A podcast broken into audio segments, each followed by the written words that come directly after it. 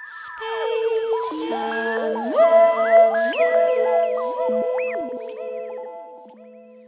lytter til Solveig Speisa musikk på Radio Rakel FM 99,3, din feministradio. Eh, og eh, jeg har i dag en fantastisk eh, gjest.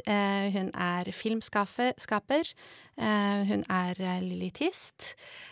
og hun heter Itonje Søymer Guttormsen. Og velkommen hit. Tusen takk, Solveig. Det er en ære å endelig være på Radio Rakel. Jeg tenker liksom at dette prosjektet her hører vel hjemme her, da.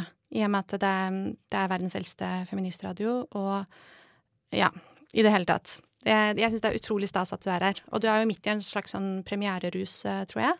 Ja. Jeg har fått sånn russestemme, så Ja. Nei, gratulerer. Det var jo en helt fantastisk Jeg var jo heldig å være på den festpremieren selv. Og det var jo litt av en, en mottakelse du fikk, og, og kritikerne syns jo også det er fint. Så Ja, det er veldig overveldende og deilig og en sånn trygg og god følelse jeg aldri har kjent på før. Så. Og så skal vi jo ikke snakke så veldig mye om liksom hva, hva kritikerne syns, men jeg må jo nevne at du har fått syv Amanda-nominasjoner for dette her. Ja, det, er, det, deler jeg jo da med mine fantastiske kollegaer. Eh, men det er eh, kjempegøy.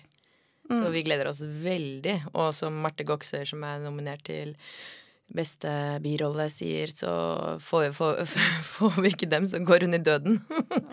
så det med et eh, Kanskje ikke smil, men, men, ja.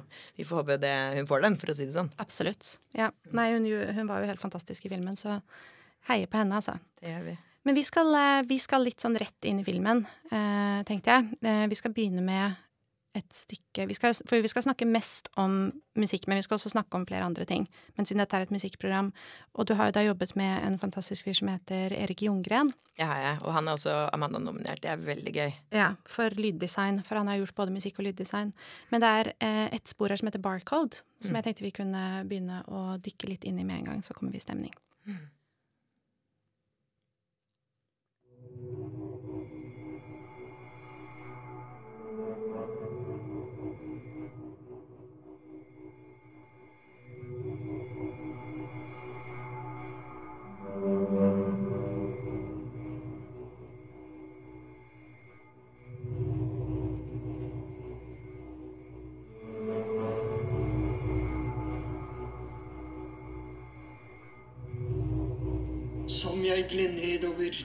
Meningsløse floder, følte jeg meg i drift.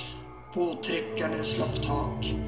Rødhuder hadde skutt til måls mot deres hoder, Pyrnaglet kroppene, men det var deres sak. Jeg, frakteren av Englands bomull, Flanderns hvete, var ganske like selv med folk om bord i meg. Da nu de hadde stritt og falt i stridens hete, gav flodene meg fri. Jeg dro min egen vei. Ja, eh, vi hører jo eh, er det her, Hva er det vi hører her? Er det, er det her man hører en litt sånn tru, truende by? Ja, her er vi Filmen starter i New York, hvor Grit, da, som spilles av den fantastiske Birgitte Larsen, er eh, sammen med Marte Goksør og en gjeng fra Nationaltheatret på en norsk-amerikansk kulturfestival. Eh, hun er da en slags eh, undercover støttekontakt for Marte Goksøy, som har Downs syndrom og er på en måte kvotert inn i Mangfoldskvotert inn i da denne eh, kollasjen av tre nasjonalteateroppsetninger, Per Gynt, Hedda Gabler og eh, et dukkehjem, eh, som da her for anledningen er kalt Three Colors of Ibsen.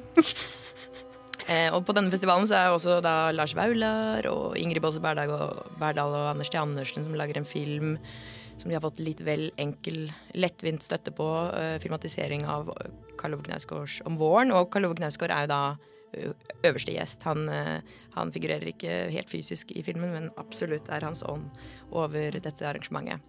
Så Grit er litt sånn malplassert der. Hun har jo gått på Romerike folkehøgskole med flere av skuespillerne fra Nationaltheatret. Mattis Herman Nyquist og Mariann Hole, og også da Marte Coxer. Og alle disse spiller seg selv. Petranella Barker er også der. og Eh, så Grit er litt sånn off, og så hun, går hun ut i, eh, i, byen og ut i New York og, og tar inn det og, og, prøver å finne sin greie. Og møter noen fantastiske mennesker i Hun møter en fitness witch, og så møter hun Brad uh, Burgess fra The Living Theatre, den gode gamle Living Theatre som jeg uh, tror det ble etablert i 1947.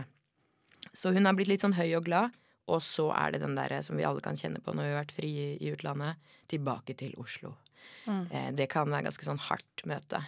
Eh, og uh, det er jo ikke Altså, jeg er jo på en måte også, Jeg har sånn elsk-hat-forhold til Oslo. Men det er i hvert fall ofte sånn at jeg kommer, og så, og så uh, Oi, der, det tynger når jeg kommer tilbake. Og, og tittelen på denne er jo også da Barcode, for vi har da vi har en sånn lang pann over Barcode og, og, dette industrielle Oslo før vi liksom havner på blokka til Gritt i gamlebyen oppå på togskinnene der i St. Halvards gate. Eh, og, og, vi skal inn i det regntunge, høstlige Oslo. Eh, og så hører du også en kvinnestemme eh, mm. som ligger sånn og hakker litt. Og der er ideen for denne filmen er en oppfølger til Retrett kortfilm. Der jobbet vi med en sånn var egentlig inspirert av Philip Glass eh, Wessel, som går sånn ha-ha-ha. Nei, det er faktisk sangen i filmen. Ha-ha-ha. Men den er inspirert av Philip Glass igjen. Sånn veldig monotom, som bare går og går. med en litt sånn stakkato kvinnestemme.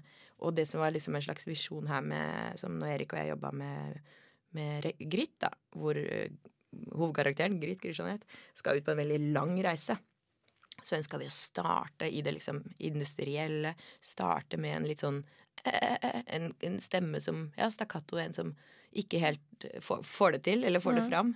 Eh, stotrende. Så den ligger der som en idé. Og så mm. skal vi jo komme mer til hvor hun kommer seinere, for den, den, skal jo da opp i et kollektiv før den skal ut i, mm. i, i noe heksete mot slutten der. Oh, ja, stemmen har en utvikling. Oh yes. og så fikk vi jo Rimbaud inn der, da. Eh, en opplesning fra fjernsyns- eller radioteatret av eh, Rimbaud som sitt eh, Hva heter den da, tro? Ja. Men som er et, et, dikt som jo passer godt for Gryt. Og det er fra et radioprogram hvor Lars Øyno fra Grusomhetens teater eh, blir intervjuet om sitt, eh, sin oppsetning av eh, Rimbaud. Mm. Det er, så, det er, så, utrolig mange sånne sammenhenger og, og, referanser. Jeg tror man må liksom se filmen veldig mange ganger for å få med seg eh, ting. Altså, den er på en måte både veldig Eller det at det er så utrolig mange virkelige steder og virkelige personer. Det gjør det så realistisk. Det gjør det så veldig ekte. Nesten sånn dokumentarisk. Og så skjer det ting som er magiske eller uvirkelige, som ikke kunne skjedd, på en måte. Og så at hennes, eh, altså hovedpersonens følelse presser seg jo også på. Så det er bare utrolig godt lagd. Altså det er sånn vanvittig sånn vev av, av ting.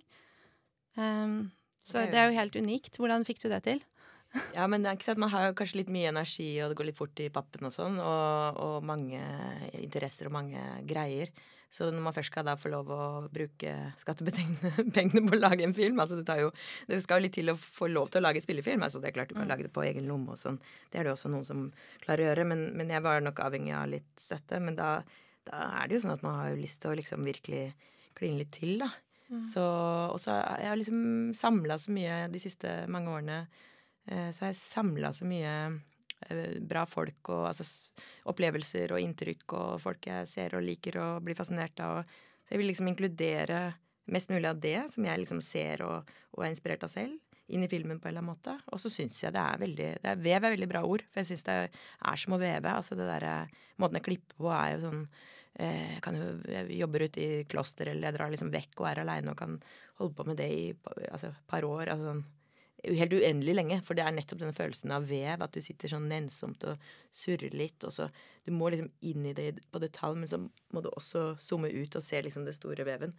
Um, så jeg bare syns det er veldig gøy, for da Altså jeg, liker å sette lista veldig høyt, sånn at jeg kan bryne meg, da. Men jeg synes det er utrolig, det er kanskje litt rart å si, men jeg syns det er utrolig bra at du klarer å på en måte holde troa på det så lenge.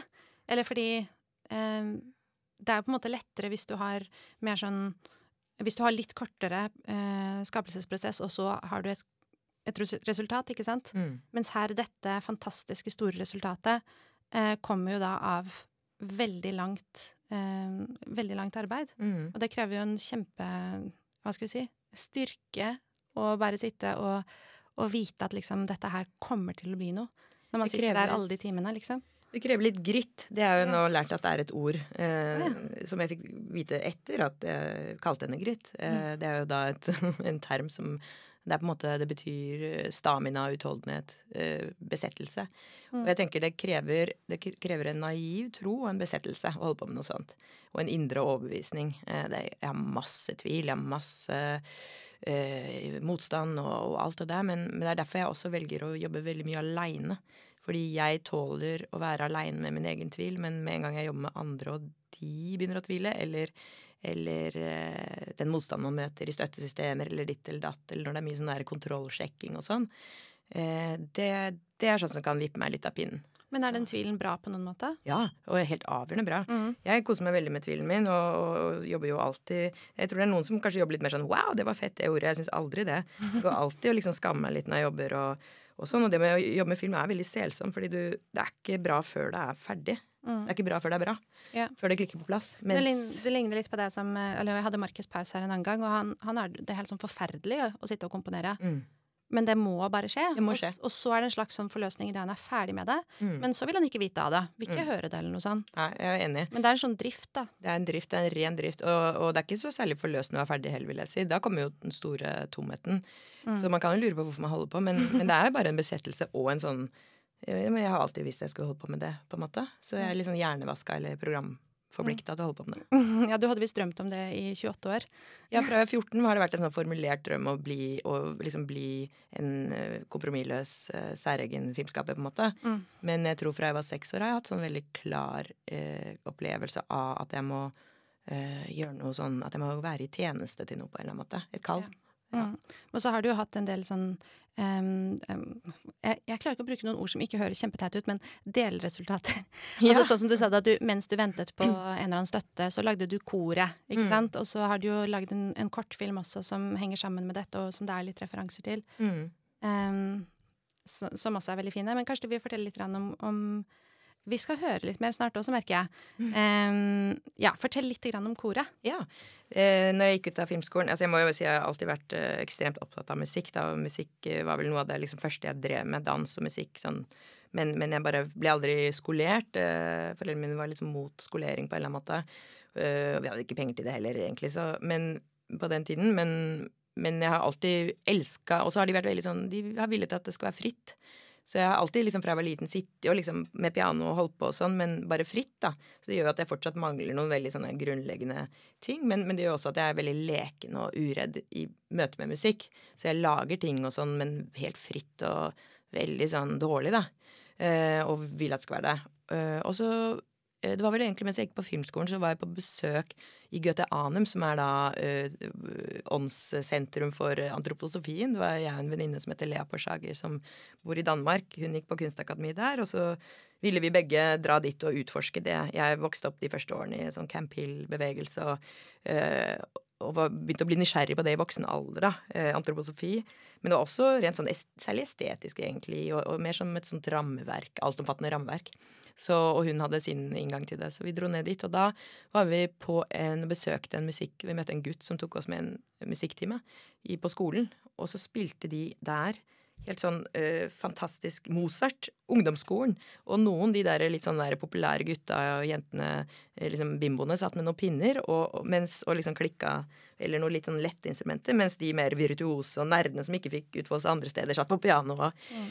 Og det var så fantastisk. Det var så feilbarlig og fullt av mm, Det var liksom ikke Altså, det var vakkert. For det er for meg ren skjønnhet. Fordi det var liksom fullt av feil og lidenskap og forsøk og ambisjoner. Så jeg bare Vi satt der og grein og bare Å, fy fader. Og da kom ideen ambisjon over evnene. Og så, og så lysten til å starte et kor. Men hadde jeg akkurat sendt av gårde min liksom første spillefilmsøknad, så jeg var veldig sånn Skjønte at å ja, faen, nå må jeg vente på det i tre måneder. Eh, og da var jeg på et sånn atelierfellesskap som het Mollok, som var kjempeflott. Så jeg bare slang ut på Facebook, og så Ingebjørg Westgård, som da eh, jeg kjente litt via kjente, hun beit på og sa 'jeg vil dirigere'. Og så starta vi. Og så holder det på. Det hadde konsert i går, der var jeg dessverre ikke, men, men eh, det har jo da holdt på siden, og jeg leda det i vel åtte år før jeg tredde av. Og Ingebjørg også dirigerte. Nå er det eh, i andre hender, men fortsatt samme hva heter det, eh, slagord. Mm, og så man forplikter seg jo ikke bare til å synge eller møte opp, men man forplikter seg jo på en måte til å um, gi opp egoet sitt litt. Ja, det er sant. Det står ja. i manifestet. Mm. At man skal strekke seg mot uh, storslagene med full rett å bomme, og, og tre ut av ego for å tre inn i Altså gi slipp på ego for å tre inn i noe større. Og at det handler om å synge det vakreste og vanskeligste, men ikke føle seg men uten liksom, fokus på resultatet på en eller annen måte. Mm. Du er jo, synger jo i koret selv, eller du gjør det kanskje ikke? nei, jeg gjorde det et halvt år. Det var veldig gøy. Mm. på Carmina Burana. Ja, Mm. ja. Hvor vi samarbeidet med Pau Pau. Det var ganske spektakulært. Ja, sånn synt, uh, synt-band Fantastisk istedenfor vanlig band. Men det var med pauker, da. Ja, pauker Pauke Mamona. Mm. Nei, men det er, det, er, det er jo veldig viktig det at man kan få lov å være del av noe større enn seg selv. Sånn som i et samfunn Ja. hvor man for eksempel ikke Eller veldig mange tror ikke på noen gud, og Mm. altså Det er jo fint å ha Ja, ta del i noe som er større enn en selv, da. Veldig deilig, og veldig velge å være alvorlig, det har jeg synes slitt med i Norge alltid, må jeg si. Det der at man ikke tør å Det har vært så mye ja, ironitida og alt det der, at man liksom skal gjøre ting litt lett, eller spøke det bort, eller samme det, eller så mye sånn midt, midt på treet-aktighet. Eh, jeg syns det er deilig å være Å våge alvoret og inderligheten, og med humor, vel å merke. Mm. Uten at det blir ironi på en slappferdig måte. Ja. Kanskje. Ikke slappferdig. det vil vi ikke ha.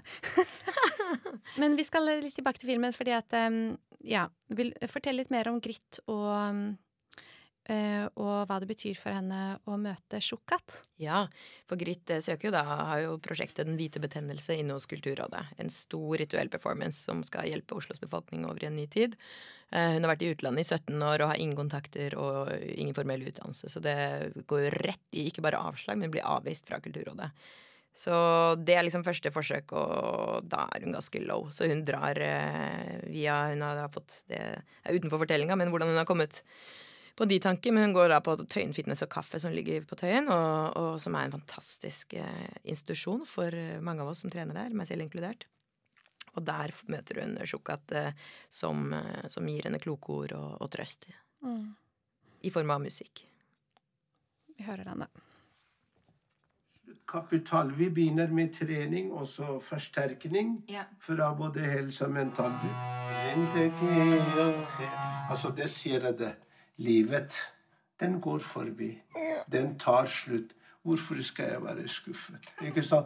Og så, og så sier han akkurat det har skjedd med deg. ikke sant? Så sier han Garfishare dushmana abad kunad ghamgin masho مرد باشه خسته دل زندگی آخر سرایم بندگی در کار نیست بندگی گر şart başa zindagiden kalır zindagiden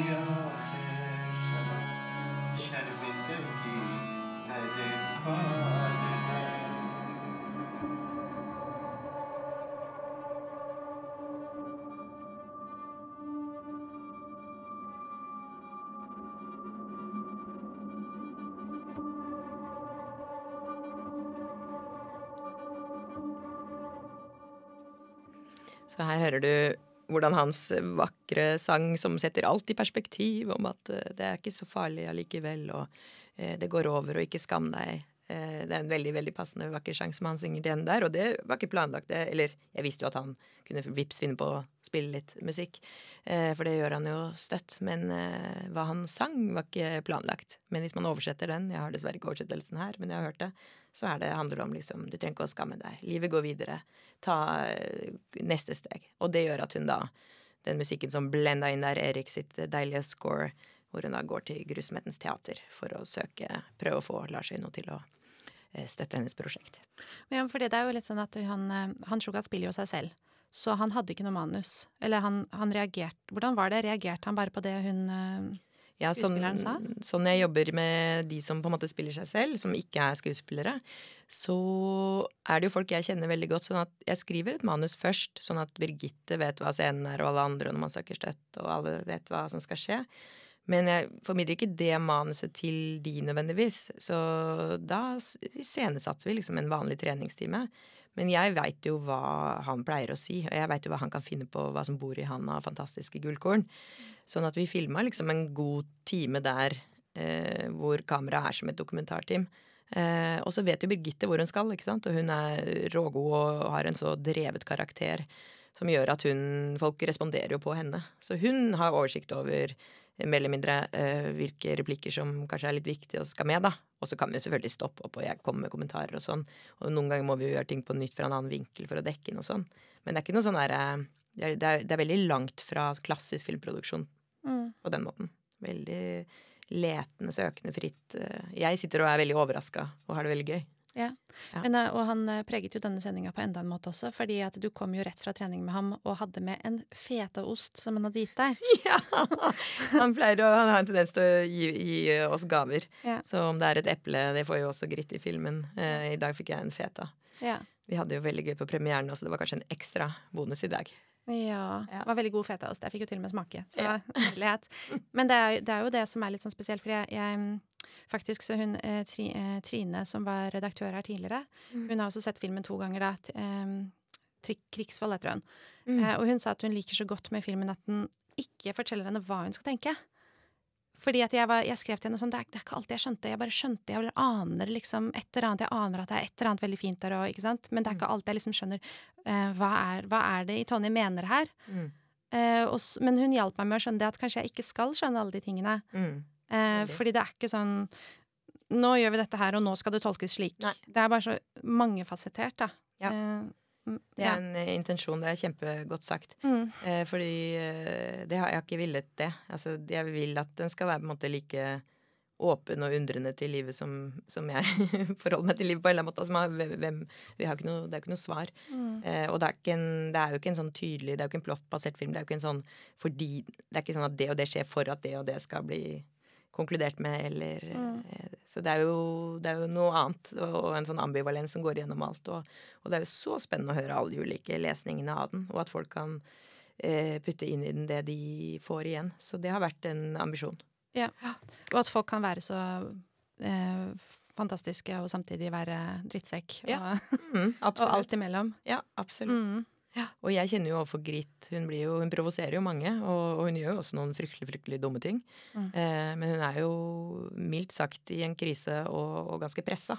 Mm. Og ganske desperat menneske, så de tingene hun gjør, speiler jo hvilken situasjon hun er i. Og hvilken tid vi lever i, kanskje òg. Mm. Så det har jeg villet si noe om, og, og, og det er spennende hvordan folk diskuterer det. Og noen kommer fram til det, og noen noe annet, og noen bare avviser henne helt, eller noen syns bare hun er fryktelig morsom, eller Men at det er rom for det, det syns jeg er kjempegøy. Mm. Um, vi skal høre et spor til som Erik Ljunggren har lagd, som heter eh, Italiano. Vil du bare kjapt introdusere det? Ja, det var gøy, fordi sånn som vi har jobba, da Så jeg klipper jo filmen, og så har jeg hatt to medklippere. Geir Ørnholt og Michal, eller, eller Jeg klarer aldri å si det, det er så pinlig. Jeg må gå og øve på det. det han har jobbet for Tarkovskij og Margit Olin, og han har et langt samarbeid. Og Lukas Modisson, han er fantastisk. Så disse var med i perioder, men, men veldig mye sitter jeg aleine. Eh, og, og for meg har alltid klipping og musikk henger 100 sammen.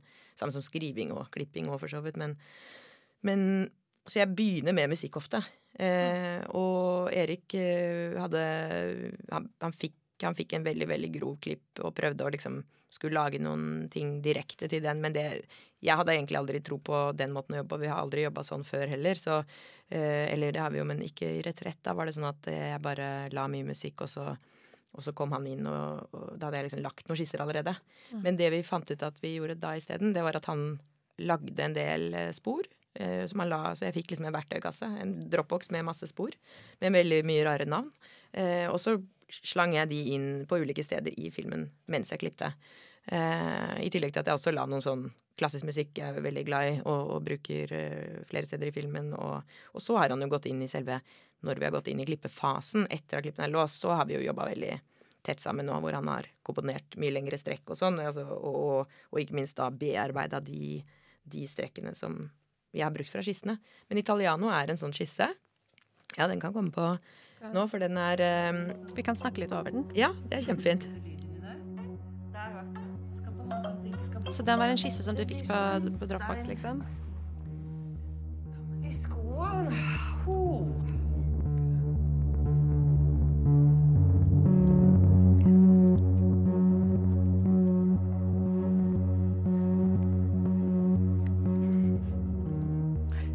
Mektige greier, altså. ja, og det var bare fordi der fikk vi jo høre litt replikker, og var ikke forberedt på at det kom først. Men det er jo Andrine Sæther som eh, gir henne en sånn mbira fra Afrika. Eh, hun blir jo da kasta ut av leiligheten og får den lille trøstegaven. Mm. Eh, og, og hun sier at man må ha en stein i skoen, eller det skal ikke bli for pent. En, at en, I en mbira så er den ene skal det være skurr på en av spikerne. Eh, og den skurren, den på en måte føder den sangen. Eh, sånn at eh, idet hun gjør sånn der, så Det er så mye sånn vi jobber da. At ting skal liksom fødes ut av ting. Men den, er, denne, er musikken her basert på det instrumentet? Nei, men? Erik hadde lagt den i verktøykassa. Mm. Og egentlig hadde, det var en sånn sang hvor han tenkte at den kommer hun ikke til å bruke. Mm. Men jeg var ute og gikk da. Jeg var i et eller annet land, jeg husker ikke. Og så, og så bare Han sendte over sånn, og så lasta jeg den ned og hørte, og så ble jeg helt sånn her «Wow!» Bare skjønte jeg at å yes, det er når hun går. Wow! Altså, dette er driven, dette er eh, yes. Mm. Og så når jeg da putta den på, uh, var jeg litt usikker på hvor enda den skulle være. Så skjønte jeg å ja, den har jo den derre Og så ble den født, da. Ut av Biran da. Så det kom som en sånn finjustering. Men uh, ja. Det, dette er Eriks eh, herlige, herlige komposisjon. Ja, herregud.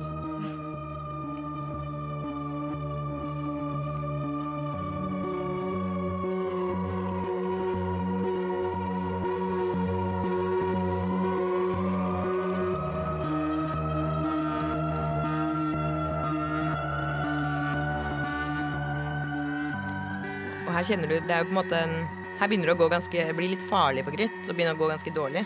Her blir hun hjemløs. Og det er også noe med den Vi har jobba veldig mm, Erik og jeg alltid med å ikke gå inn i de der klassiske klisjeene. Det er jo veldig Jeg syns det er helt sånn rystende mye klisjeer i filmmusikk. Eh, og syns det er helt sånn Hvordan da klisjeer, liksom? Nei, det er veldig ofte at det virker som nærmest Jeg synes veldig ofte filmer har eh, ja, den samme filmmusikken. Altså man tyr til Der er det litt piano, eller der er det litt uh, Her er det følelser, så da tar vi litt piano. Her er det noe følelse, er det trist, da tar vi det.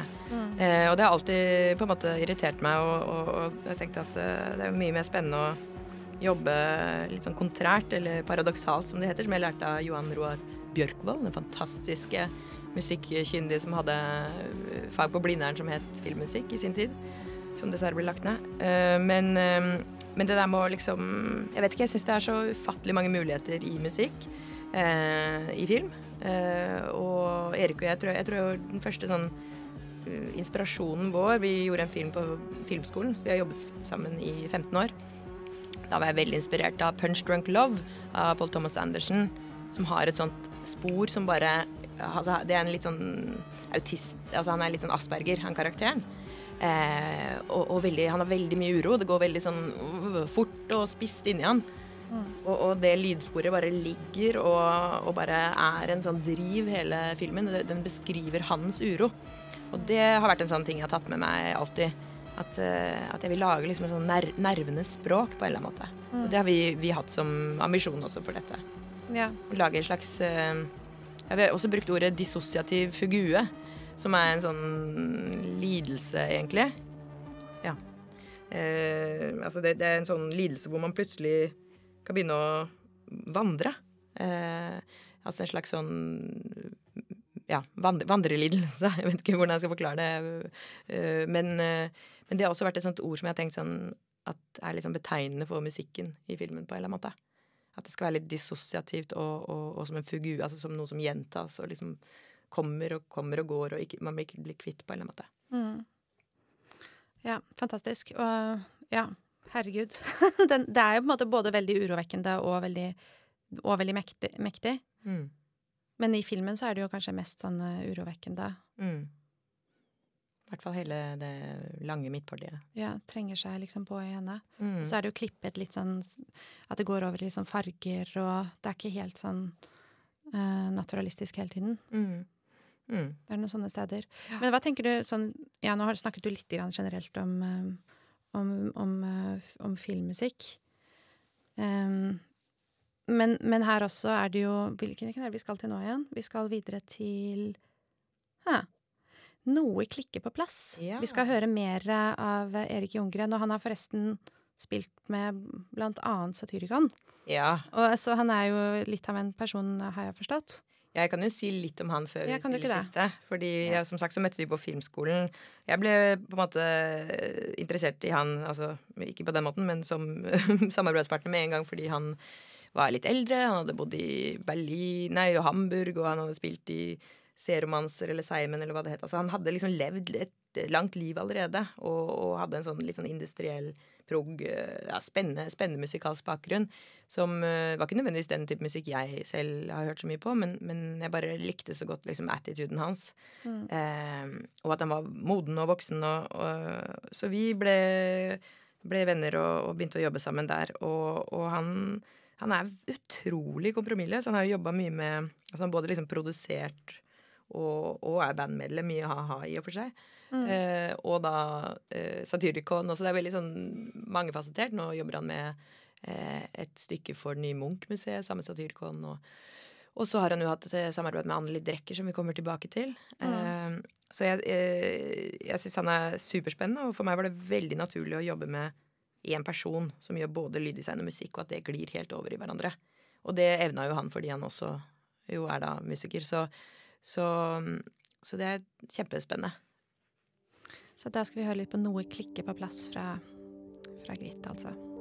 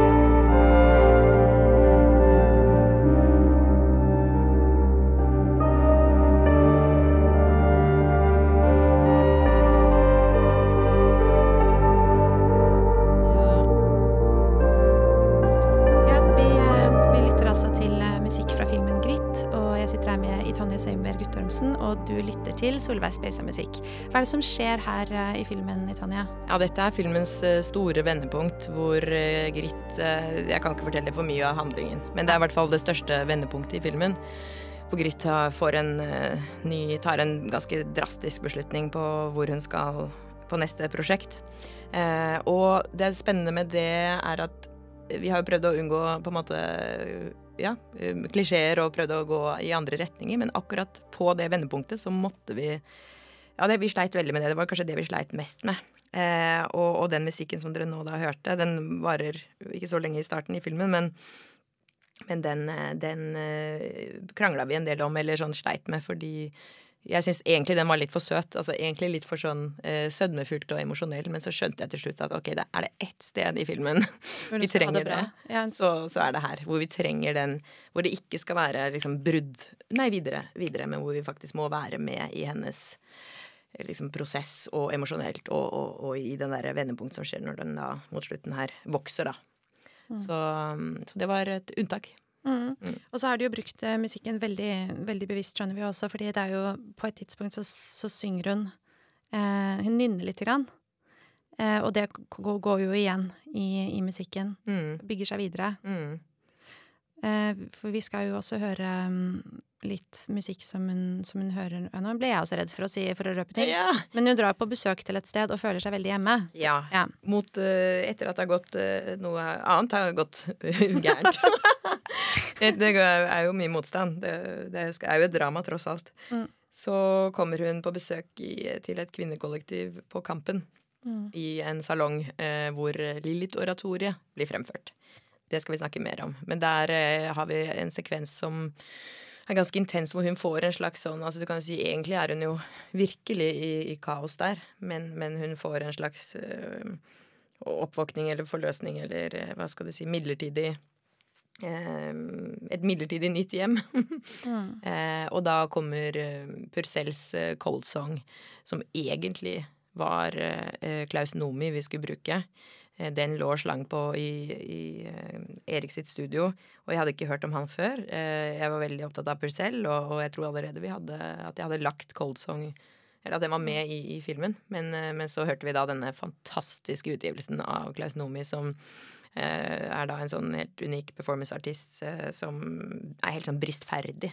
Og det passa sånn med filmen og alt, og alt løste seg. Og så rett før vi skulle låse, så fikk vi ikke lov å bruke den allikevel. Sånn er det jo innimellom. Og da fikk Erik inn en eh, tenor, nå har jeg ikke navnet hans, men en Kontratenor, til og med. ja, kontratenor. Fantastisk dyktig. En Daniel et eller annet. Beklager, Daniel. Eh, og, og spilte den inn, og brukte da en av a-ha-syntene sine, tror jeg. Eh, for det ligger også en sånn 80-tallssynt i Klaus Nomi-versjonen. Mm. Eh, jeg var redd det ikke, ikke kom til å bli bristferdig nok, eller at det skulle bli for pent. Eh, det ble kanskje litt for pent òg, men det vi hadde anledning til, var å gjøre om teksten. Det var Eriks geniale idé. Så når de synger sånn Oh, let me, let me, så er det nå Oh, Lillit, Lillit. Mm. Så da fikk vi Unnskyld at jeg var så hes. eh, da fikk vi rett og slett uh, planta det. Så hell i uhell. Så nå skal vi høre et lengre parti, skal vi ikke det? Hvor Jo, vi begynner i Lilith-oratoriet. Det begynner vel også Vi får noen replikker fra filmen også, med en liten, noen ord om Lillit. Mm.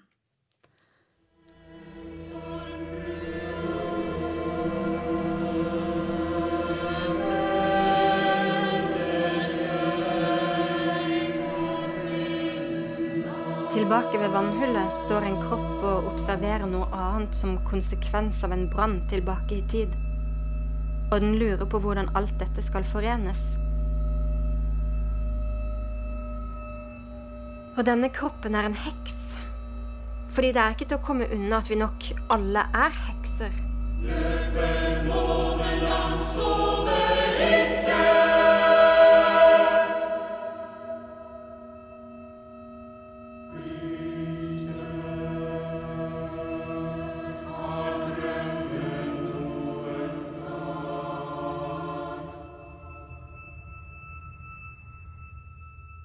Og jeg, heks, setter meg på bakbena i møte med strømningen som i stor grad velger vekk bevegelse som håndverk. Som en dyp og tidkrevende praksis. En praksis løslatt fra produksjonskrav.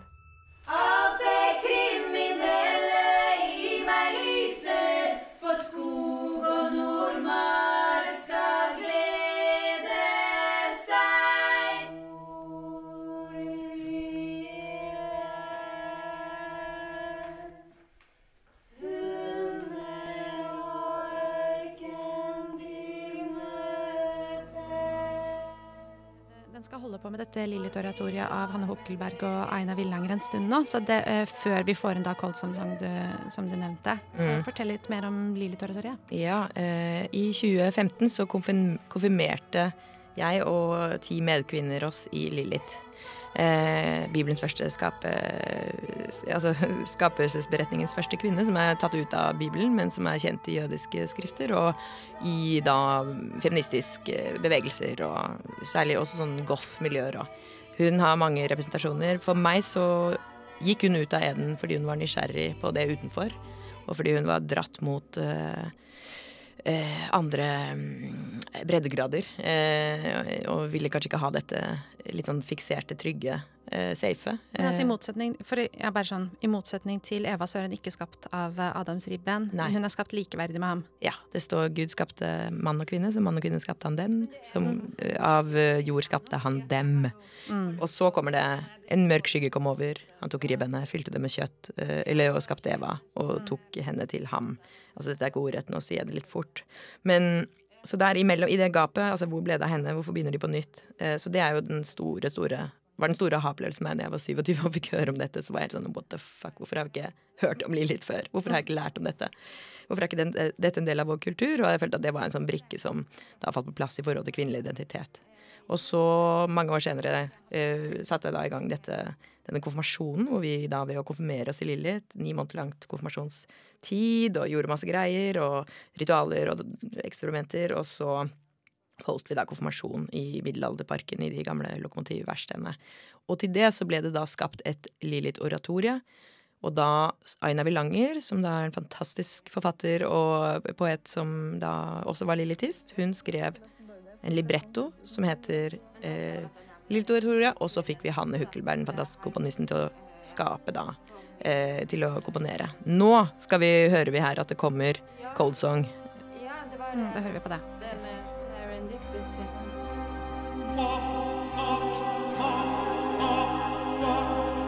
to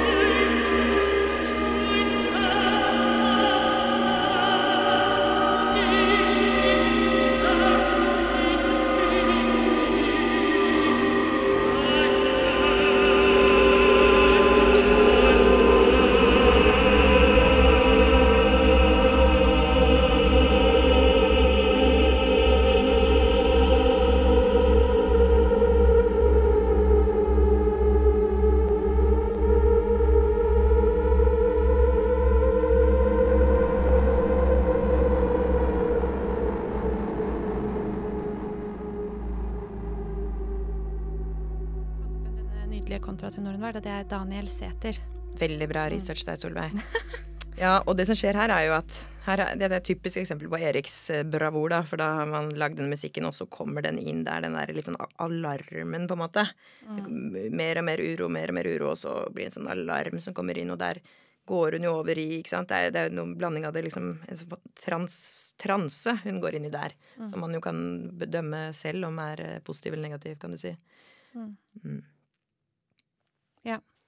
Uh, og så, så, kommer det et nytt vendepunkt som vi heller ikke kan si så veldig mye om. Men du har jo, du har jo, brukt, um, du har jo brukt en del klassisk musikk, blant annet Grieg.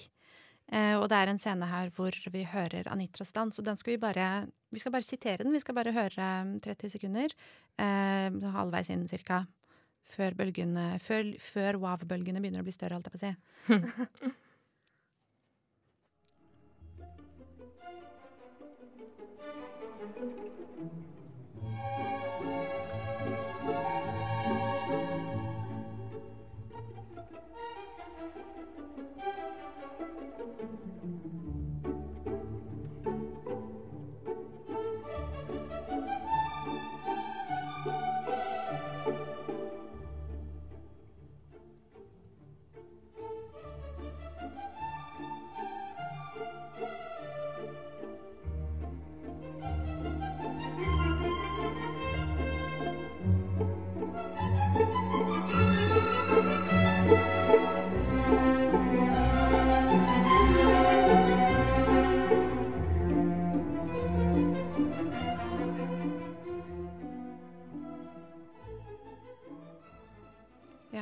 altså eh, litt av eh, Anitras dans, som, eh, som da spilles til en sterk scene i filmen 'Gritt'. Ja, og der også kommer hvert øyeblikk Eriks hånd inn og lager noe ganske heftig lyddesign som blender inn, da. Og det Grieg, bruken av Grieg Altså, jeg bruker mye klassisk musikk. Jeg bruker særlig Bach og, og Purcell, egentlig. Det er vel det jeg bruker stort sett i denne filmen.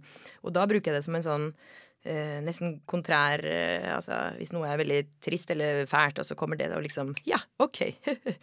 Løft, løfter det videre på en eller annen måte. Mm. Eh, og det er jo musikk jeg elsker å høre på selv. Grieg er ikke musikk jeg elsker å høre på selv, og den brukes nesten litt mer, for den brukes i starten under Per Gynt. Eh, så den bruker jo nesten litt sånn ironisk. Mm. Ja, men, sånn, spiller på at dette her er så norsk og ikke sant? På den, blir veldig lettvint. ja, på den der eh, festivalen. Så det er jo liksom ja. bruken til teaterstykket. Mm. Eh, mens eh, så ble det plutselig riktig, da, i den der scenen her hvor det jo Anitras dans, også tematisk, altså eh, en litt sånn gal dans. Det er jo litt Gritt Tollbommen der òg, uten å røpe for mye. Eh, så var det plutselig riktig å hente opp det, og hente opp at det Altså den forløsningen i det som egentlig også For det hun gjør der òg, en slags symbolsk handling er jo også et slags oppgjør med den, på en måte, den kulturen hun kritiserer. Mm. Uh, og at det, Grieg her får være en del av det. Av det, um, det, det, vi liker å kalle det vakre norske. Som, mm. kanskje ikke, som kanskje hun mener er en del av den hvite betennelsen. Så sånn har jeg tenkt, da. Men altså, det er jo ikke Det trenger man ikke å tenke på bevisst. Nei da, men du har jo ikke sagt så veldig mye om akkurat hvordan man skal tenke nå, da. Nei. Det er fortsatt veldig åpent. Og jeg håper jo at mange drar og ser den i, i kinoene, for jeg anbefaler det virkelig. Um, vi skal høre et lite utdrag av et stykke som heter Garn, som da også er lagd av filmkomponist Erik Ljunggren. Er det fint å høre begynnelsen av den, eller midten, eller? Mm. Nei, jeg er ikke helt sikker på Nei, fordi dette er jo lengre stykker enn det som er i filmen. Mm. Så hopp midt i, så kan du heller si uh, uh, litt underveis. Jag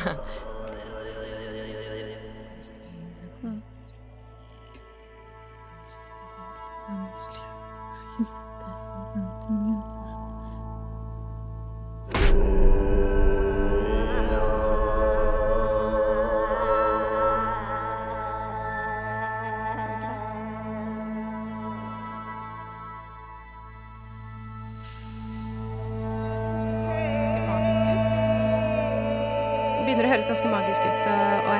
og. Ja. Men fordi at det er jo også en Det er vel en slags Lillit-representasjon et eller annet sted um, i filmen? Ja, det er jo det. Begynner å se litt fremtid og Det er jo det. Altså, ja. hun lokkes jo utover grensen, kan du si. Og, og også ut mot uh, naturen der på et tidspunkt. Uh, og, og, det er jo kanskje Lillit som bor der, da, og, og trekker henne ut. Uh, det var ja, for det ligger jo i Altså, det, filmen er jo litt en slags fabel, en slags sånn, nesten som et eventyr hvor helten, antihelten, skal gjennom en viss reise, men at det ligger en klokskap bak som, som på en måte holder henne som gjennom Men da må hun jo gjennom prøvelser og smerte også. Mm. Så i en sånn på en måte, hva kan du si, jungiansk tradisjon, eller så, så, kan man jo se det hele som en sånn dannelsesreise, det Grit går gjennom. Um, og som en reaksjon på vår kultur, da. Men uh, så da, det derre frie, ville, lillitistiske, Lillit urkvinnen, det som er støtt ut eh, Grit støttes jo på en eller annen måte også ut, eller støtter seg selv ut, eller hva hun nå enn gjør. Mm. Det får være opp til enhver. Det er vel alltid ofte en uh, blanding. Ja, Hvis man ikke vil leve konformt med resten av samfunnet? Ja, så er jo det en naturlig konsekvens. Eh, og i forhold til det jeg sa tidligere om den derre stemmen som starter stakkato, kvinnestemmen, mm. og starter stotrende og uforløst i starten av filmen, og som kommer opp i det kollektive Lillit oratoriet med samhold og sam kvinner, mm. og så som da nå munner ut i dette denne heksestemmen, som også mm. hørte i bakgrunnen her. For nå er hun veldig alene igjen. nå er hun veldig alene. Mm. Hun er alene på en annen måte enn i starten, på en måte. Mm. Og, og, det er jo en uh, rens... Altså den, hun synger den uh, grove kvinnestemmen der får jo liksom sunget seg ut og ned i kroppen og i kjøttet. Ikke sant? Gjennom litt sånn strupesang, og så hørte du mot slutten der at den uh, ble liksom Nå klarer jo ikke jeg det siden jeg er så hes, men ble litt sånn myk og vakker mot slutten. Mm. Og, og, og da var jeg også redd for at det skulle bli for pent. Men, men, det fikk lov til det fordi det var da, Det er jo da Anneli Drecker som bærer dette. Mm. Så da kommer vi inn på det samarbeidet. Ja, for det skal jo bli enda villere nå, eh, i Captured Rotation, hvor Anneli Drecker da synger frumlige Det var noe hun allerede hadde lagd. Var det sammen med Erik Jungren? Ja. Nå, ja. Eh, det som var, Vi, vi liksom søkte den derre urkvinnen. Det lå der alltid som en idé. Mm. Der, hva, hva, er det, på en måte, hva er den stemmen? Og jeg hadde faktisk lenge en låt av Susanne Sundfør som heter ikke Reincarnation, men altså på Music for Trouble-albumet um, Å, hva heter den igjen? Mountaineer, som hun synger sammen med John Grant. Som er, Den begynner med hans stemme, og så, tar hun, så synger de oppå hverandre en stund, og så tar hun helt over. Mm. Det, det, partiet vi hørte nå, er inspirert av det. Mm. At det er først en sånn Men det var ikke meningen at det skulle være mannestemme, men det er først en dyp, altså mørkere stemme, og så, og så blir det sånn lyst og lett på en eller annen måte. Ikke lett, men lyst og sterkt, da. Altså mykere. Fordi hun går gjennom en Altså det går fra, det går fra vår til sommer der. Så det er liksom juni og, og vann og det er, Jeg jobber mye med elementer, og i skogen mm. der så er det jo mye jord og vann. Tidligere i filmen har det vært luft og ild. Mm. Eh, men i forhold til Anneli Drecker så var det jo da Erik som hadde nevnt henne flere ganger, og, og, for de har jobbet sammen. Mm. Og så lå det en Eller han, en dag så bare sa han 'oi, hør på det her'. Og da var det et spor han hadde som ikke hadde blitt med på siste skiva, tror jeg det var som heter Capture Rotation. Og jeg ble helt vill av å høre på det. Jeg ble helt sånn Å, herregud. Bare rista. Mm. Og, og, kjente at uh, dette Ja. Og så det, gikk det en tid, også, men så inngikk vi da samarbeid med henne at hun skulle komme og være den, fordi hun også hadde drevet med strupesang. Å mm. være mm. den stemmen i skogen, og som også da blir myk. Og så fikk vi i tillegg lov å bruke Capture Rotation på rulleteksten. Yeah. Ja, vi må høre den med en gang.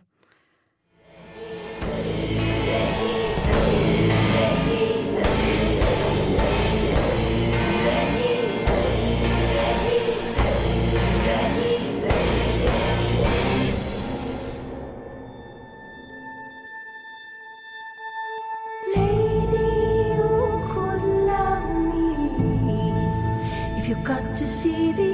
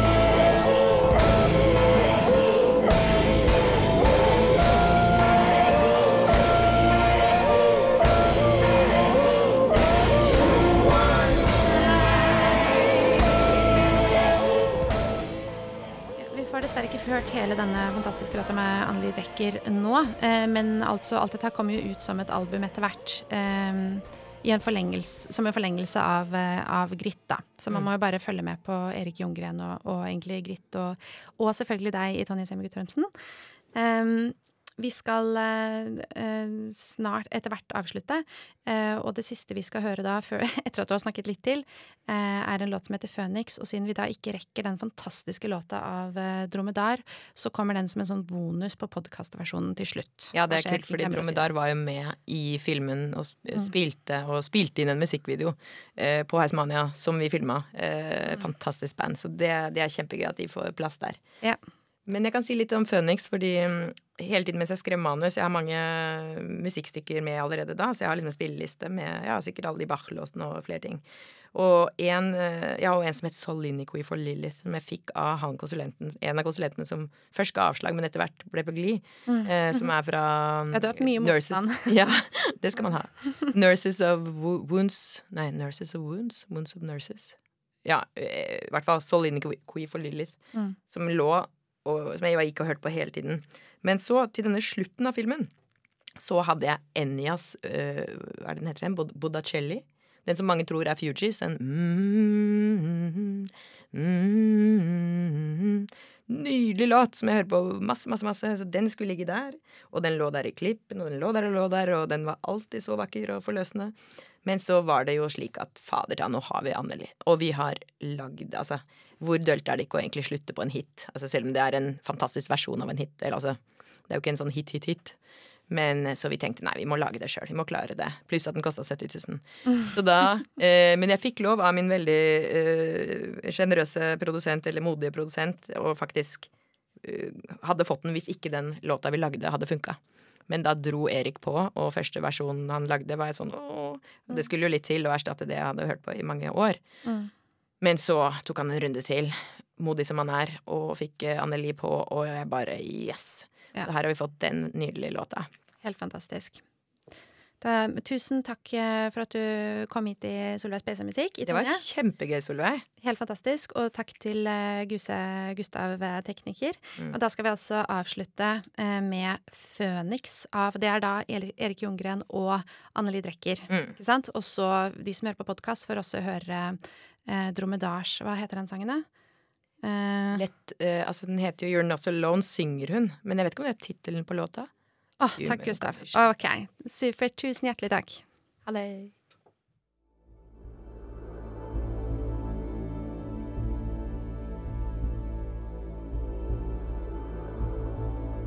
High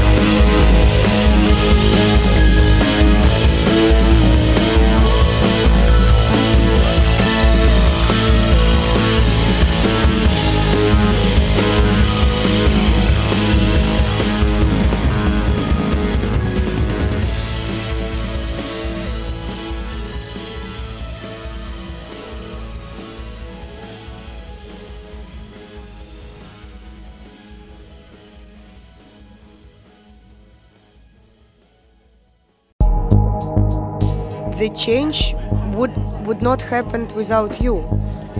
There will be no leader or don't know savior who will come and uh, just solve all your problems. It's you or or nobody. And if you see that something wrong is happening nearby, just do not uh, stay aside. Do something. Hello, it's Pussy Riot, and you are listening for Radio Reco, first feminist radio in the world.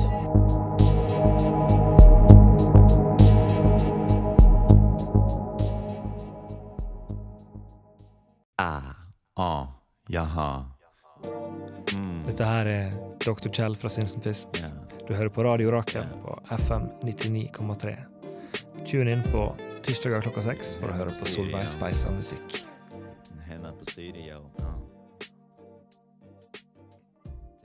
लागी कलेजवा कटार रे लागी कलेजवा कटार Du lytter til Radio Orakel 99,3, og jeg heter Tejaswini Kelkar. You are listening to Dana Swerbrick talking on Spice music on 99.3 Radio Raquel.